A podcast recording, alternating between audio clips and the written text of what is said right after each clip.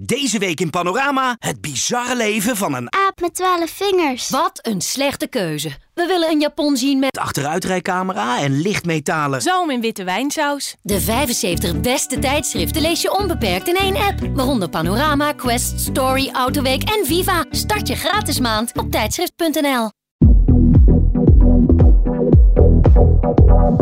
Dus ik deed de ochtend zelf, ik deed de, de namiddag zelf, het naar bed brengen, eigenlijk alles. Eh, en op een gegeven moment ging dat zo eh, tegenstaan. Want ondertussen eh, verdiende ik het meest. Welkom bij Mama BV, de podcast van Viva Mama. Waarin ik, Anna van den Bremer, bekende moeders vraag hoe zij het allemaal regelen. Een eerlijk gesprek over werk en ambitie, opvoedstruggles en hoe je ervoor zorgt dat je niet helemaal gek wordt. Welkom allemaal bij een eh, nieuwe aflevering van Mama BV, de podcast van Viva Mama. En we zijn vandaag eh, aangeschoven in het kantoor van Janne Schuin in Zwolle. Welkom Janne. Ja, jullie welkom. Eh, hartstikke leuk dat jullie er zijn. Ik Ja. vind het heel erg leuk. Ja. Mooi. Ik zei vanmorgen tegen mijn vriend dat ik naar Zwolle ging. Toen was het wel alsof ik soort naar vijandelijk territorium over ging steken. Want hij is Ja, Deventer, Zwolle. Ja, ja. Go Ahead Eagle supporter. Dat ligt nogal gevoelig met FC eh, Zwolle. ja, misschien helpt het voor hem om te weten dat wij niet per se PEC Zwolle fans zijn. Oké. Wij zijn Ajax fans. Ik weet niet of hij daar moeite mee heeft. Maar... Ook, ook. Oh, ja. shit. Oh, PEC Zwolle is het, hè? Ik zei Ja, FC Zwolle. Ja, dat was Nou, het vroeger hoor. Ja. God, dat zegt Ja, alweer. dat- vroeger ging ik inderdaad als klein meisje nog met mijn vader met de seizoenskaart naar FC Zwolle. Dat was het toen nog. Oké. Ja. Dus toen was ik wel FC Zwolle fan. Ja. Inmiddels, eh, nee, kom ik daar nooit meer. Nee, en we trekken ons niks van aan. Want ik vind het heel leuk om bij jou in Zwolle te zijn. Ja, superleuk. Ehm, ik wil jou even kort eh, introduceren aan de luisteraar. Jij bent ehm, ondernemer, coach, auteur van een boek Wat als het ook anders kan. ja, die vergeet eh, ik altijd zelf. Auteur. oh. Dan zeg ik, oh ja, oh ja, en auteur. Ik heb ook een boek geschreven. Ja. ja. En moeder van Kaden, die Ja. is twee jaar. Die wordt geloof ik in december Die drie. is eh, net drie geworden Oh, die in is september. drie. Ja, In hij is net. Ja, en ik, ik ben ook nog steeds geneigd om te zeggen twee. Dus eh, ja, maar hij is net drie. Drie, ja. En eh, in jouw werk ben je heel erg bezig met eh, mindset. Ja.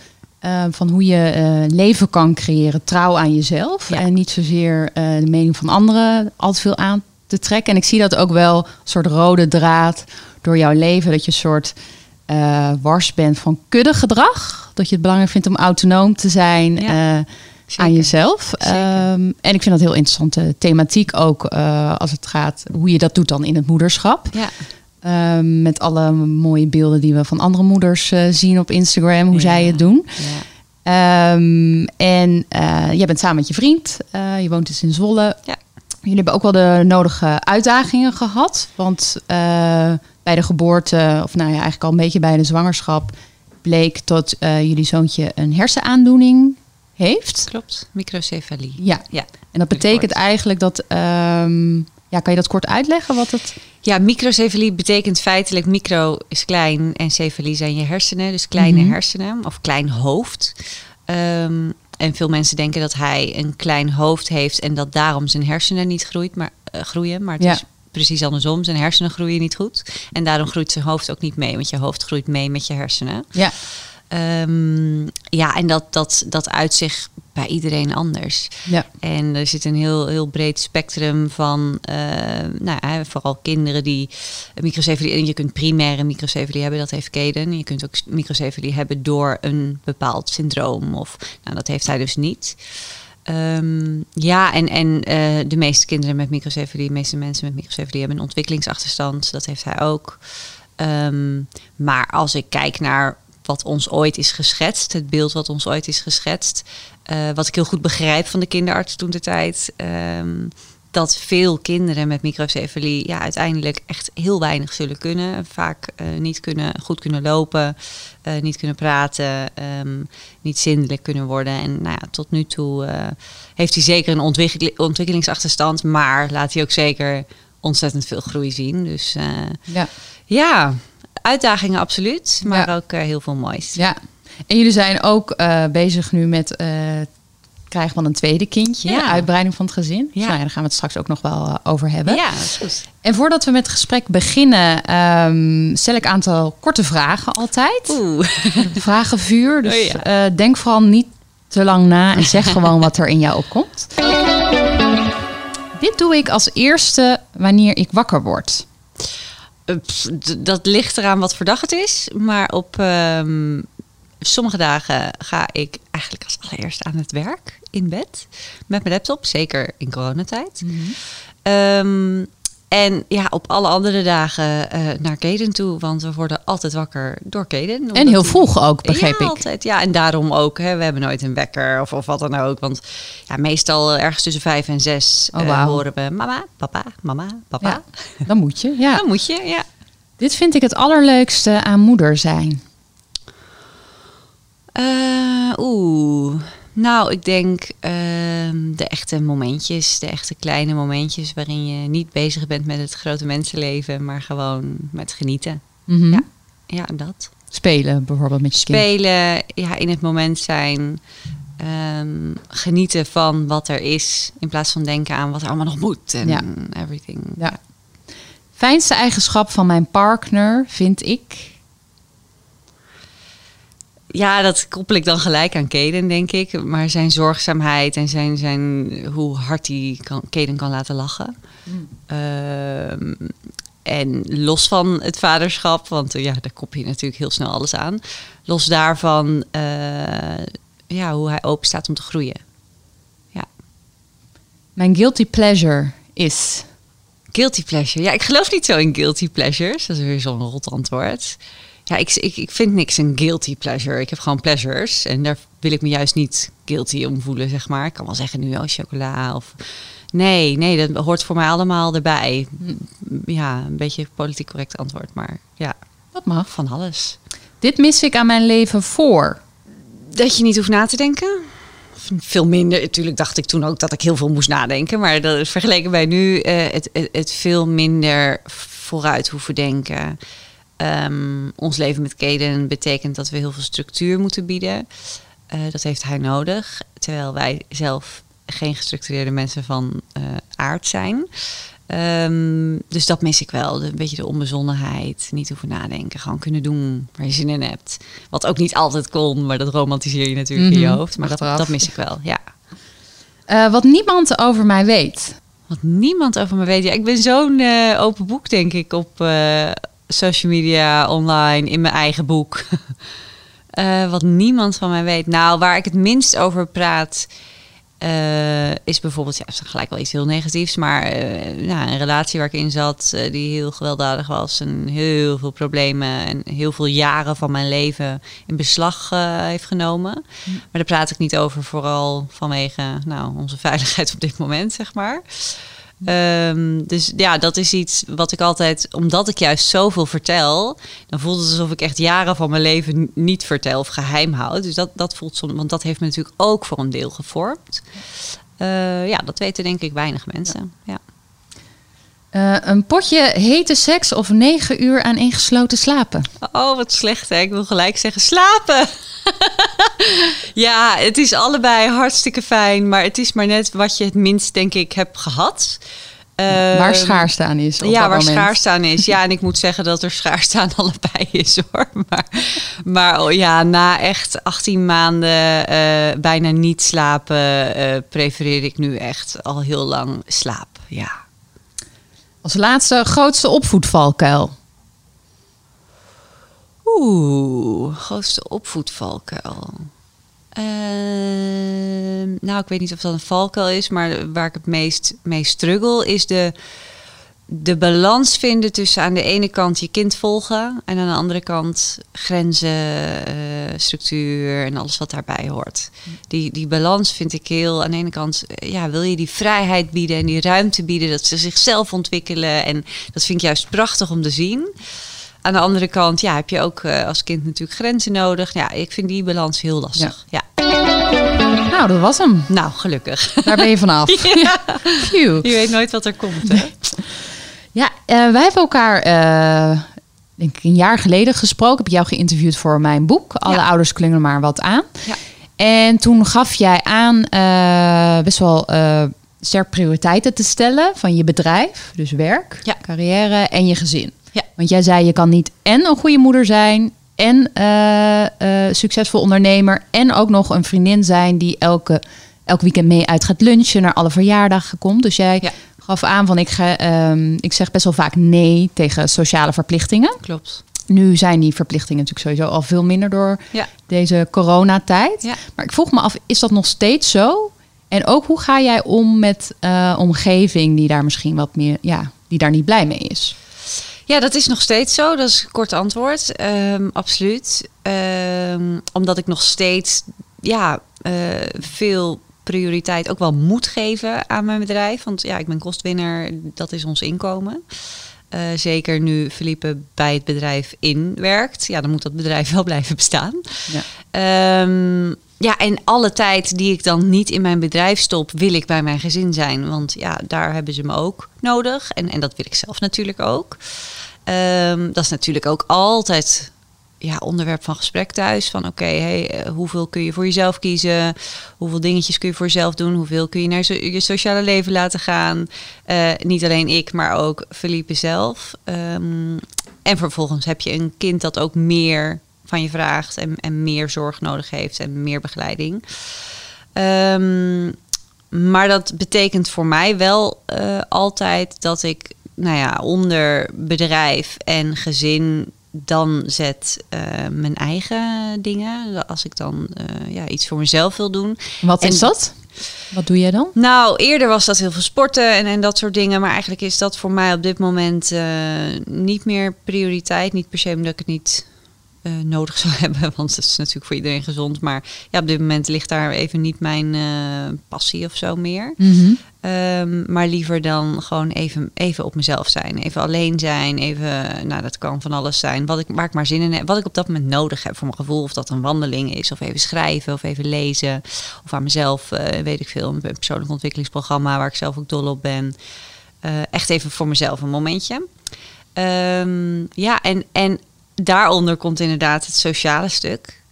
En eh, daar, ja, daar, daar, die prioriteit die ik ooit daarvoor heb gesteld, of eigenlijk daarbuiten heb gesteld, daar, die, die blijft eh doorcijpelen in mijn leven in de vorm van dat ik inderdaad ja, geen eh, tonnen met vriendinnen heb en heel veel mensen om me heen. Maar dat past ook niet bij mij. Dus ik kan me ook goed voorstellen dat als iemand zegt: hey, dat is juist waar ik ehm, eh, van aanga en waar ik energie van krijg, van met andere mensen zijn, dat dat dan een hogere prioriteit voor je heeft. En ik, ga je, ik krijg energie van op mezelf zijn. Ja. En af en toe iemand anders zien. Ja. Dus ehm, ja, en hoe ga ik om met de reacties van anderen? Er zijn inderdaad mensen die dat niet zo goed begrijpen, omdat zij zelf aangaan van contact met andere mensen. En ehm, ja, die dat lastig vinden. En, en soms verdwijnen daardoor vriendschappen. En dat, ja, dat vind ik ook oké. Dat betekent niet dat het minder, minder fijne mensen zijn of, of ik. Of dat, hè, ja, soms past dat dan niet meer bij elkaar. Ook omdat je in een andere levensfase zit. Ja, en dan ga je andere prioriteiten Mm. stellen. En dat, dat vind ik zelf inmiddels helemaal oké. Daar heb ik natuurlijk ook echt wel momenten van gehad dat ik dat moeilijk vond. Ja, Ehm, maar daar kan ik inmiddels wel ja, heel goed eh, kan ik accepteren. ja. Ja. En ehm, ik zei het in het begin al even dat jij heel erg eh, eh, pleit eigenlijk van creëer een leven trouw aan jezelf. Ja. Eh, dus niet te veel vergelijken met anderen. Ja. Ehm, ik heb het idee dat veel moeders, vrouwen dat ook wel lastig vinden, omdat je juist zoveel plaatjes, nu ook met Instagram en Ja, social media, enorm. ziet hoe anderen het doen. Ja, heb je daar zelf ook last van dat je daar onzeker door kan worden? ja, absoluut.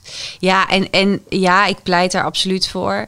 Eh, maar dat betekent niet dat het perfect hoeft. Want dat is het bij mij ook verre van. En ik vergelijk mezelf ook vaak genoeg met anderen. Want dat is gewoon de mens. Dat, dat doe je. Dat, dat kun je niet 100% niet doen. Dat bestaat niet. Dat geloof ik niet. Dat er iemand is die nooit eens een keer zichzelf vergelijkt. Of een beetje onzeker wordt door hoe anderen het doen. En heb jij een voorbeeld van wat is jouw, jouw zwakke punt, om het zo te zeggen? Of waar laat je je door beïnvloeden? Van wat je bijvoorbeeld bij een andere moeder ziet. Eh, nou, ook wel social media. Daar, daar, daar weet ik gewoon van mezelf. Ik moet er niet te veel tijd spenderen eh, om te consumeren, zeg maar. Liever produceren en zelf dingen de wereld inslingeren. Maar als ik alleen maar ga kijken naar wat andere mensen de wereld inslingeren, dan ga ik mezelf automatisch daarmee vergelijken. Ehm, wat, waar denk ik de meeste mensen tegenwoordig mee struggelen. Maar ook ehm, het stukje eh, hoeveel je werkt. En als ik dan zie dat er moeders hè, of helemaal niet werken. Mhm. eh, en dan bedoel ik niet per se dat ze niet werken, maar vooral dus heel veel met de kinderen zijn. Of hè, dat, dat ze aangeven van nou, drie dagen in de week vind ik toch echt de max. Want hè, meer, ja, nou dan zie ik mijn kinderen. En dan kan ik wel eens gaan denken, oh ja, oh ja, ik werk wel meer dan dat. Oh, is dat dan niet normaal? Oh, hè, dan beginnen al die stemmetjes in je hoofd. Schuldgevoel? Schuldgevoel, absoluut. En dan weet ik in de kern. En, en dat is denk ik ook waar ik het meest voor pleit. Weet in je kern, of weet zelf wat je kernwaarden zijn. En waar je echt voor gaat staan. Dat betekent niet dat je ze altijd voelt, maar daar kun je wel altijd op terugvallen. Want dan weet ik op zo'n moment, oh ja, hey, ik, ik merk het op. Ik ben mezelf nu aan het vergelijken. Ik weet dat er vrouwen zijn die niet werken, die heel veel met hun kinderen zijn of die minder werken. En dat is ook oké. En, en ik ben ook oké. En dit zijn mijn kernwaarden. En zo doe ik het. Mhm. En dat betekent niet dat het gevoel gelijk weg is. Maar dan kan ik het wel steeds beter een, sneller een plekje geven. Van oh ja, er is, er is verschil. Ja, ik weet het. Er zijn heel veel mensen die het anders doen. Ja. Ehm, en dat werkt voor hun en dit werkt voor ons. En hoeveel werk jij? Wat zijn eh, Verschilt per fase, denk ik. Eh, sommige momenten zijn gewoon drukker, ook in het bedrijf. ehm, waardoor ik soms gewoon fulltime werk, vijf dagen. Ehm, al moet ik zeggen dat ja, ik wel daarin schipper eh, en ook wel weer een beetje kijk naar wat heeft Kaden nodig. Als ik merk dat hij eh, hele onrustige weken heeft, ehm, waarin hij gewoon echt meer begeleiding, meer structuur en meer rust ook nodig heeft. En hij vindt die rust wel heel erg bij mij. Ehm, dan ehm, ja, kan ik misschien zeggen van nou, hey, van, ik werk deze week alleen maar tot drie uur. Dat, dat kan binnen mijn werk. Dus die, die eh, luxe heb ik, zeg maar. Ehm, maar er zijn ook weken waarin ik eh, drie, vier dagen werk. Maar de meest, meestal werk ik fulltime. Ja. Ja. ja. En mijn ervaring is, eh, op het moment dat je kinderen krijgt, word je ook heel erg geconfronteerd met nou ja, eigenschappen van jezelf die je misschien niet zo leuk vindt. Ja. Bijvoorbeeld bij mij eh, ongeduld. Ja. Echt wel moeilijk vind om een geduld te bewaren soms. En eigenlijk heel anders dan jij, dat ik best wel last heb van conformisme. Dat ik veel bezig ben met wat vinden anderen van mij en Ja. mijn kinderen als ik ergens ben op een publieke plek bijvoorbeeld. Ja. Ehm, herken je dat? En wat zijn dat bij jou? Wel- Welke kanten zijn door Keden misschien bij jou eh, blootgelegd? Ja, eh, nou, eh, dat is niet eh, antwoord op je vraag, maar wat ik net gelijk bedacht van, goh, hey, waarom heb ik niet van, hey, wat vinden mensen van mijn kind bijvoorbeeld? Ik denk juist heel sterk omdat ik denk van, nou, hè, Kaden is zo anders dan andere kinderen, valt zo buiten het gemiddelde, ehm, waar we ook steeds mee geconfronteerd worden, dat, dat ik denk ik juist van extra ehm, harde kant of zo heb ontwikkeld van, hey, eh, het boeit me echt helemaal niks wat je van mijn kind vindt. Dit is mijn kind en hij mag precies zijn wie die is. Punt. Ehm, dus dat reflecteert ook terug op mezelf. Dat ik denk, ja, dan moet ik ook laten zien dat ik mag zijn wie ik ben eh, naar mijn kind toe.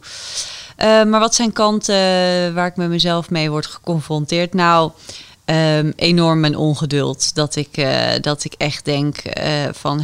Ik, zie bijvoorbeeld dat Felipe, die, die veel meer rust om echt gewoon totaal ehm, in dat moment te spelen, heen en weer te rennen. Nou, en ik doe dat twee keer en dan denk ik, nou, hè, nu wil ik koken en nu wil ik verder. En, eh, of wanneer het gewoon überhaupt lang duurt voordat we de deur uit kunnen. En, ah, en eh, dan gaat dit weer mis en dan dat weer. En, ah, ja, daar ga ik heel slecht op.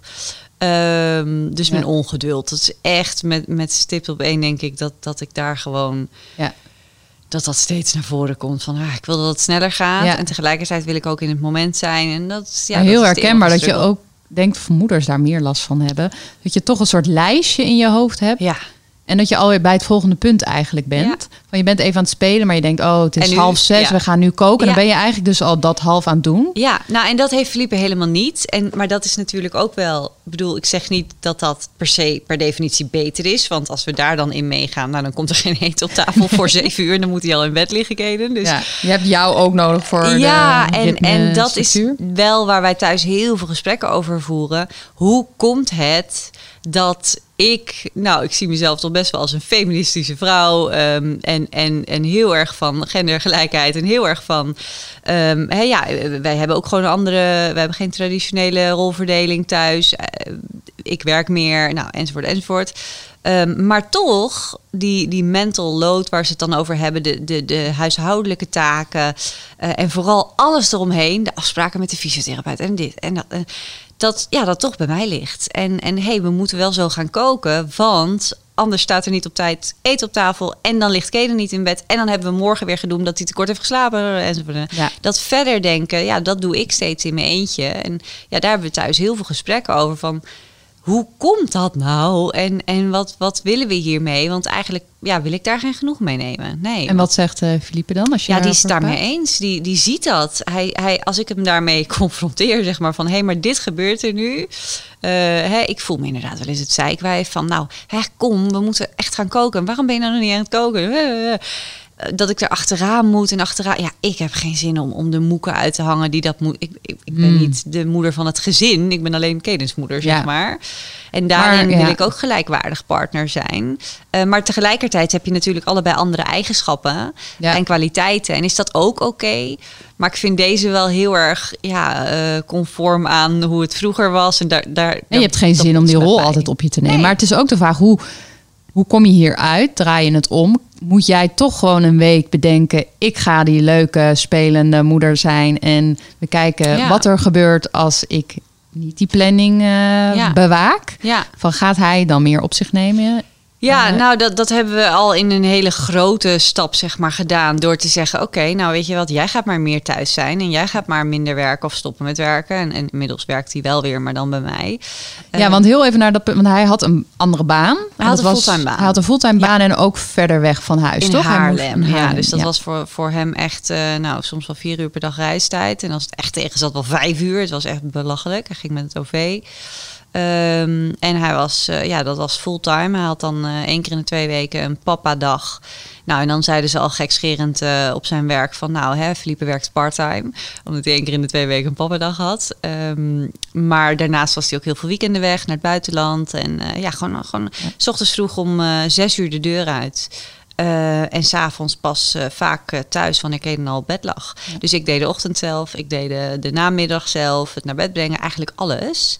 En op een gegeven moment ging me dat zo eh, tegenstaan. Want ondertussen eh, verdiende ik het meest. En dat, dat, ja, dat is iets waar, waarvan je het gevoel hebt dat je dat niet mag zeggen of zo. Nou, dat is natuurlijk al belachelijk. Waarom zou je dat niet kunnen zeggen? Eh, maar dat klopte gewoon niet. En Nee. ook, ook hij zei van ja, dat is eigenlijk helemaal niet logisch. Je werkt veel minder, verdient meer. Eh, ik werk mijn slag in de ronde. Eh, Ja. Zie mijn kind heel weinig, zie jou weinig. Maar hoe kwamen jullie tot deze keuze? Was er echt een soort bom die explodeerde van dat jij zei: ik trek dit niet meer? Nee, nee, helemaal niet. Nee, het was echt heel veel erover praten. Steeds dat we dat opmerkten van... hey, is niet logisch. Maar ook dat ik op, op een gegeven moment opmerkte van... ja, ik had eigenlijk net dat uurtje langer op kantoor nodig gehad...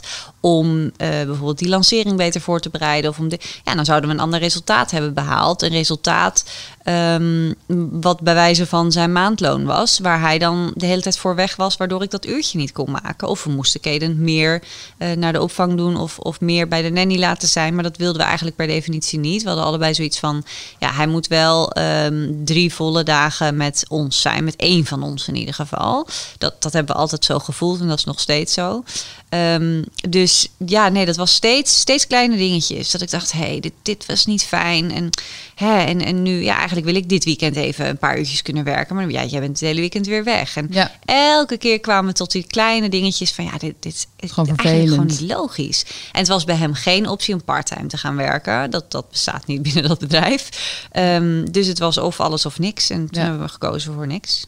Maar, en hij werkt nu bij jou in het bedrijf, dus eigenlijk ben jij zijn baas. En wel. hoe, eh, hoe gaat dat? Want ik weet wel dat jij ook zei van dat je dat wel spannend vond. Ja. Zo samen te werken met je partner, opeens ben je collega's Ja. of baas en werknemer. Is Ja. dat ver- ver- verwarrend, die verhouding en, en daarnaast ook een relatie te hebben? Minder dan we hadden gedacht. En dat komt omdat hij feitelijk manager is geworden. Ehm, en ik juist meer op de achtergrond ben gaan draaien. Ehm, om, het, om de bigger picture, zeg maar, ehm, nou ja, in, het oog te houden. En hij is meer uitvoerend met het team. En ehm, ja, hij, hij heeft meer dat eh, eh, procesmatige, zeg maar. Daar ben ik heel slecht in. Dus we kijken vooral heel erg naar waar ligt jouw kwaliteit, waar ligt mijn kwaliteit. En we zijn elkaar een beetje, dat heb ik van uh, andere ondernemers uh, gejat.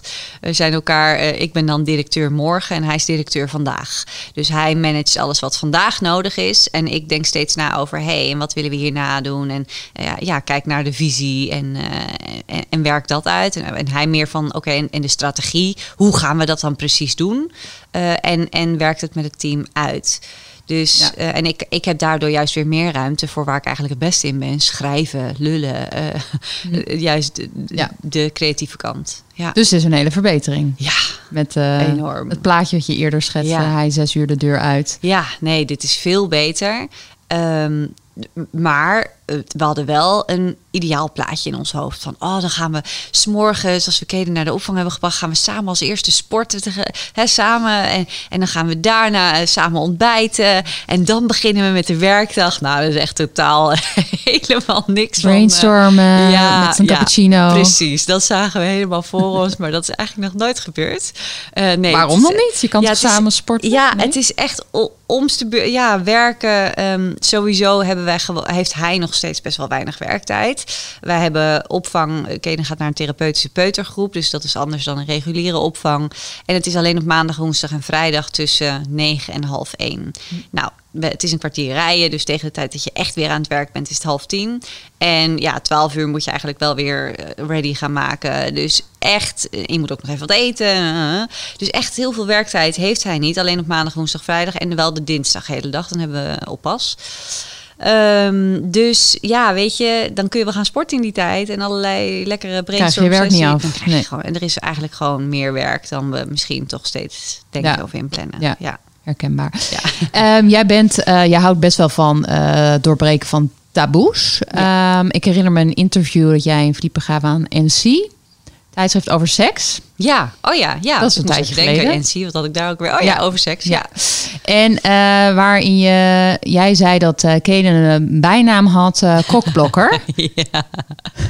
Doet hij die bijnaam nog eer aan? Absoluut, absoluut. Ja, we hebben hem laatst nog uh, even weer opgerakeld, inderdaad. Nou, op zich valt het wel mee hoor. Want weet je, hij, hij gaat tegenwoordig s'avonds gewoon uh, braaf slapen. En dan hebben we de hele avond. Maar ja, de hele avond. Ja, ik uh, ben echt niks meer waard na negen uur. Um, en Felipe die gaat dan, probeert dan te sporten als Kaden op bed ligt. Nou, dus die komt pas na negen uur thuis. En ik ben dan alweer gaar en ga naar bed. Want wat doe jij na negen als je gaar bent? Ga je gewoon al op bed bed liggen of gewoon. Dan uh, ga ik nog uh, of even wat kijken om even te unwinden. Uh, of ja, ik zit toch nog even te schrijven of te werken of iets. Um, maar meestal check, ben ik gewoon mentaal wel echt uitgecheckt. En, en half tien ga ik wel richting bed. Ja, ja. ja maar ja, hè, anders dan is het ook gewoon niet te doen. Ja. Ja. Want jullie gaven dat interview ook aan dat, je, dat jullie best wel geloofden in vaste, ja. vaste dagen van hè, dan uh, ja. gaan we romantisch uh, bezig zijn. Ja, Um, is een beetje bij ingeschoten. Want kun je ja. uitleggen van waarom dat voor jullie uh, werk, werkte? Ja, dat werkte toen heel goed. Uh, niet omdat we dat een romantisch of sexy idee vonden. uh, maar gewoon simpelweg omdat het werkte. Want dan deden we het tenminste. Uh, en dan maakten we er tenminste tijd voor. Want ja, je kunt wel steeds denken, ja, dat moet spontaan gaan. Maar het gebeurt niet spontaan. Dus tenminste bij ons niet. Hè. Misschien bij heel veel anderen wel. Maar bij ons gebeurt het gewoon niet spontaan. Omdat ja, uh, een kind met extra zorg, uh, met zoveel. En, in, inderdaad ook in een traject voor een tweede inmiddels. En hormonen. En um, ja, en heel veel werk. En, en eigenlijk gewoon alles wat je in één leven probeert te proppen. Ik denk dat we gewoon te vaak uh, van onszelf verwachten dat we dus inderdaad al die dingen moeten kunnen doen in één leven met kleine kinderen. En volgens mij bestaat dat oprecht niet. Ja, er zullen ongetwijfeld mensen zijn die het wel allemaal doen of proberen te doen. Nou, ik ken ze niet. Maar... Volgens mij, ik ook niet. Volgens mij kun je niet alles goed doen. Dus ja, en bij ons is dan toch, we vinden wel de intimiteit en de, en de nou, romantiek wil ik het al niet noemen, dat is een iets te groot woord. Maar we maken wel die bewuste momentjes steeds voor elkaar. we geven elkaar een oprechte kus, we kijken elkaar in de ogen aan,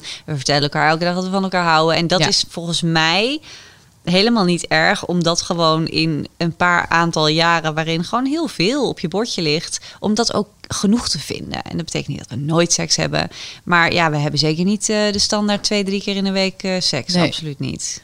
Maar is het, uh, bedoel, jullie kunnen dus een tijd zonder, zonder dat dat dus effect heeft op de kwaliteit van de relatie? Ja.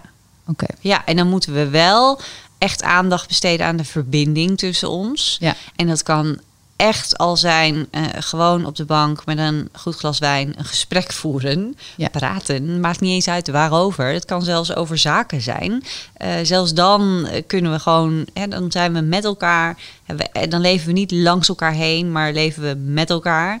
En, en daar, ja, als, zolang dat er is, kunnen wij best wel heel erg lang zonder fysiek contact. Niet dat daar fysiek niet per se de behoefte aan is, maar Mhm. ja, dat, dat is nu niet iets waar we de prioriteit van Ja. kunnen maken, denk ik. En heb jij het idee dat daar dus nog een taboe op rust? Of- ja. of- Nou, ik heb vooral, ja, misschien wel. En, en ehm, want wat je noemde, dat gemiddelde van twee, drie keer per week Ja. zit denk ik in heel veel hoofden van Ja. mensen. Dat, Nou, en dat, dat precies. Ik denk dat we al heel snel kijken naar hoe kunnen we het fixen? Of hoe kunnen we het beter doen? Of hoe kunnen we het weer meer gaan doen? En eigenlijk hebben wij ons er een beetje bij neergelegd van... ja, dat is nu even helemaal niet waar we aan werken of zo. We werken al aan zoveel dingen tegelijk.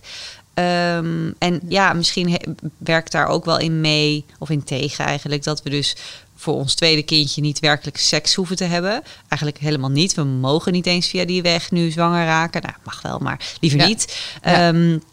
Dus dat zit dan ook ergens ja, Ja. in je systeem of zo.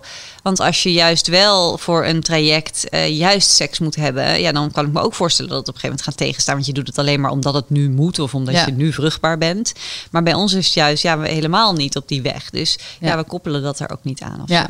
zo. Want jullie zijn nu met dat traject eh, bezig. Ja. Ehm, dat is een PGD-traject, Ja. dus pre-implantatie Tatie. genetische diagnostiek. Ik kijk even op mijn papiertje. Ja, klopt helemaal. Ehm, en kun je uitleggen wat dat, in, wat dat inhoudt? Eh, ja, eh, in het eh, superkort is het embryo-selectie. Dus ze gaan kijken naar. ehm, eh, eh, eh, even terug naar Keden. Die heeft dus een genetische aandoening. Ja. Dus het is genetisch bepaald. Ik heb een genfout. Ik ben drager van een genfout. Philippe is ook drager van een genfout. En toevallig, ik bedoel, iedereen heeft genfouten, wij allemaal. Ehm, maar toevallig hebben wij exact dezelfde genfout. Nou, dat is dus best zeldzaam. Ehm, en dat zorgt ervoor dat iedere keer als wij samen een kindje zouden krijgen op de natuurlijke weg, je 25% kans hebt dat het kindje nou, dezelfde eh, eh, aandoening heeft die daaruit komt. In dit geval primaire microcefalie. Ehm, en om dat te voorkomen, ehm, moet je weten hey, welk embryo is aangedaan met die genfout en welke niet. Ehm, dus we volgen een ICSI-traject, IVF, eh, dat kennen Mhm. de meeste mensen. Ehm, en eigenlijk is dat IVF-traject bijna helemaal hetzelfde tot het einde. Eh, dan heb je de, de, de eitjes, de embryo's ehm, nou, gekweekt en eh, met een punctie eruit gehaald. En vervolgens gaan ze die onderzoeken in het lab Checken, om te ja. kijken, hey, dragen zij die genfout of niet? En we krijgen toevallig komende dinsdag de uitslag ehm, hoeveel Spannend. eitjes we over hebben die niet zijn aangedaan. En of we dus een terugplaatsing kunnen krijgen. Hm. Ja. En hoe, eh, hoe intens is dat traject en hoe voel je je nu? Want je hebt natuurlijk ook hormonen die je moet... Ja, ja heb ik eh, zes weken moeten doen, geloof Ja. ik even uit mijn hoofd. Ehm, eh, de hormonen, die voel je natuurlijk. Dat merk je natuurlijk. Dat, dat is Wat gewoon... merkte je? Nou, eh, ik heb wel eens... eh, ze zeggen dat je van de decapeptiel die ik moest spuiten... eh, overgangsklachten kunt krijgen. Omdat je eigen cyclus compleet plat wordt gelegd daardoor. Dus eigenlijk hetzelfde wanneer je inderdaad in de overgang komt. Maar ja, ik heb wel eens gedacht... Oeh, heb ik nu een opvlieger? Of nou, maar meer gewoon de mood swings. Ehm, maar ik moet zeggen...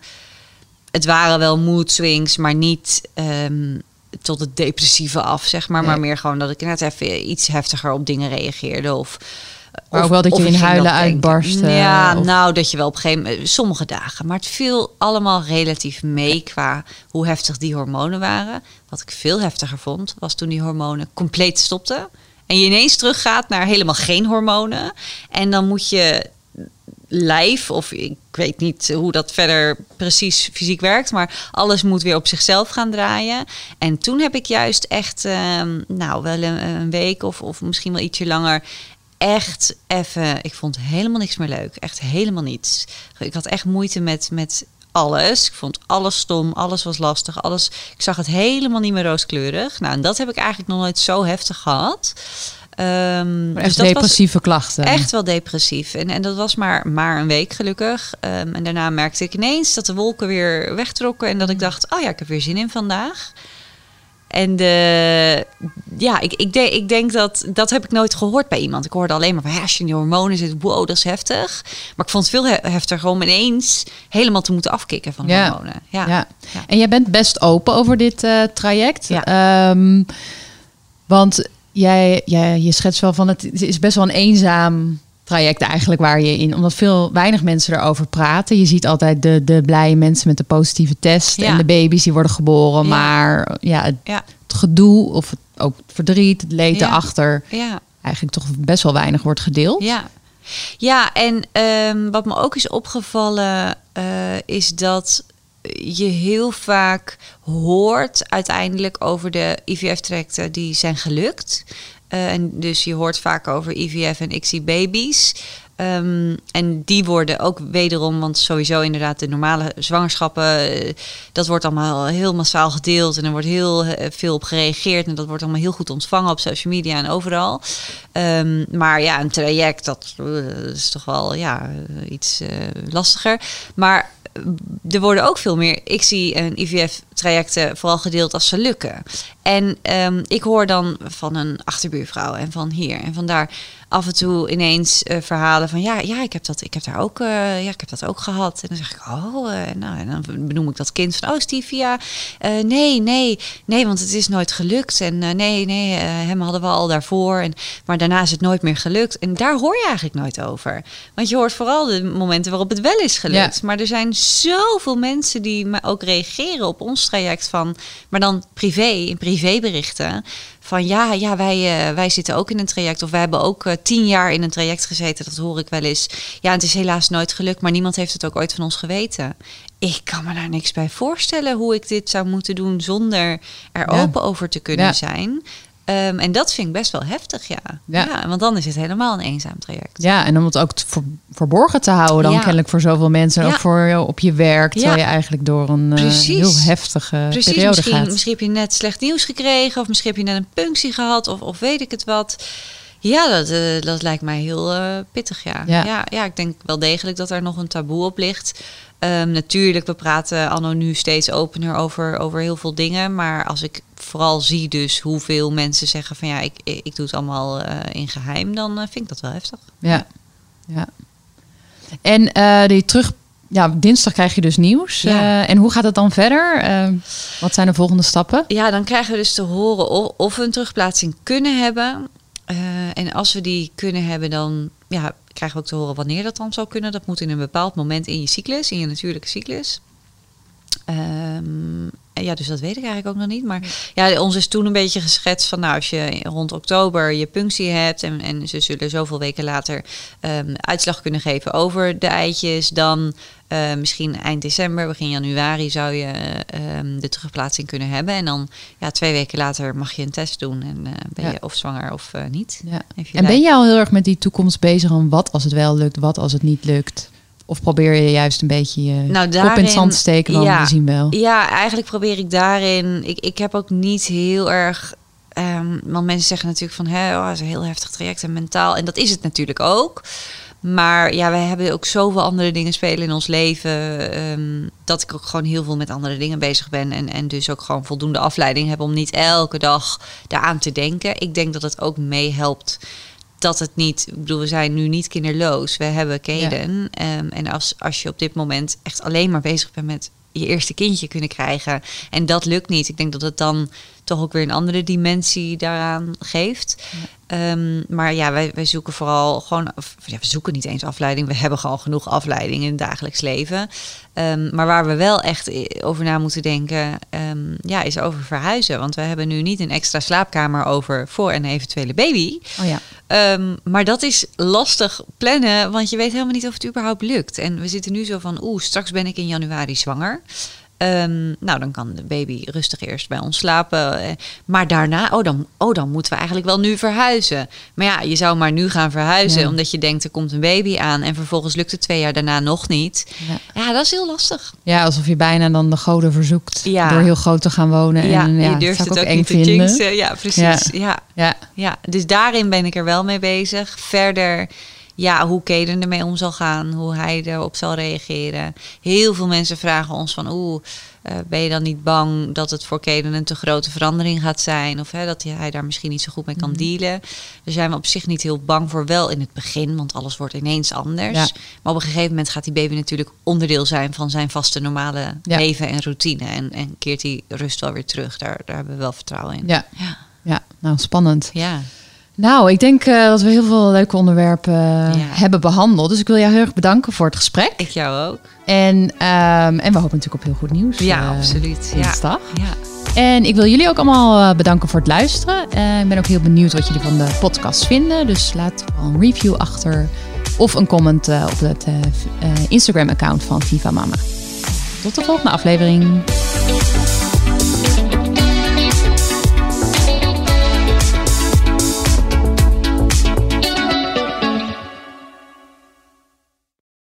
Nu in Nieuwe Revue, zon, zee. En zoete aardappels met honingmosterd. Even opschuren en twee keer afvlakken met... Oom Donald, kwik, kwek. En een lekkere dikke Linda. De 75 beste tijdschriften lees je onbeperkt in één app. Waaronder Nieuwe Revue, Margriet, VT Wonen, Donald Duck en Linda. Start je gratis maand op tijdschrift.nl.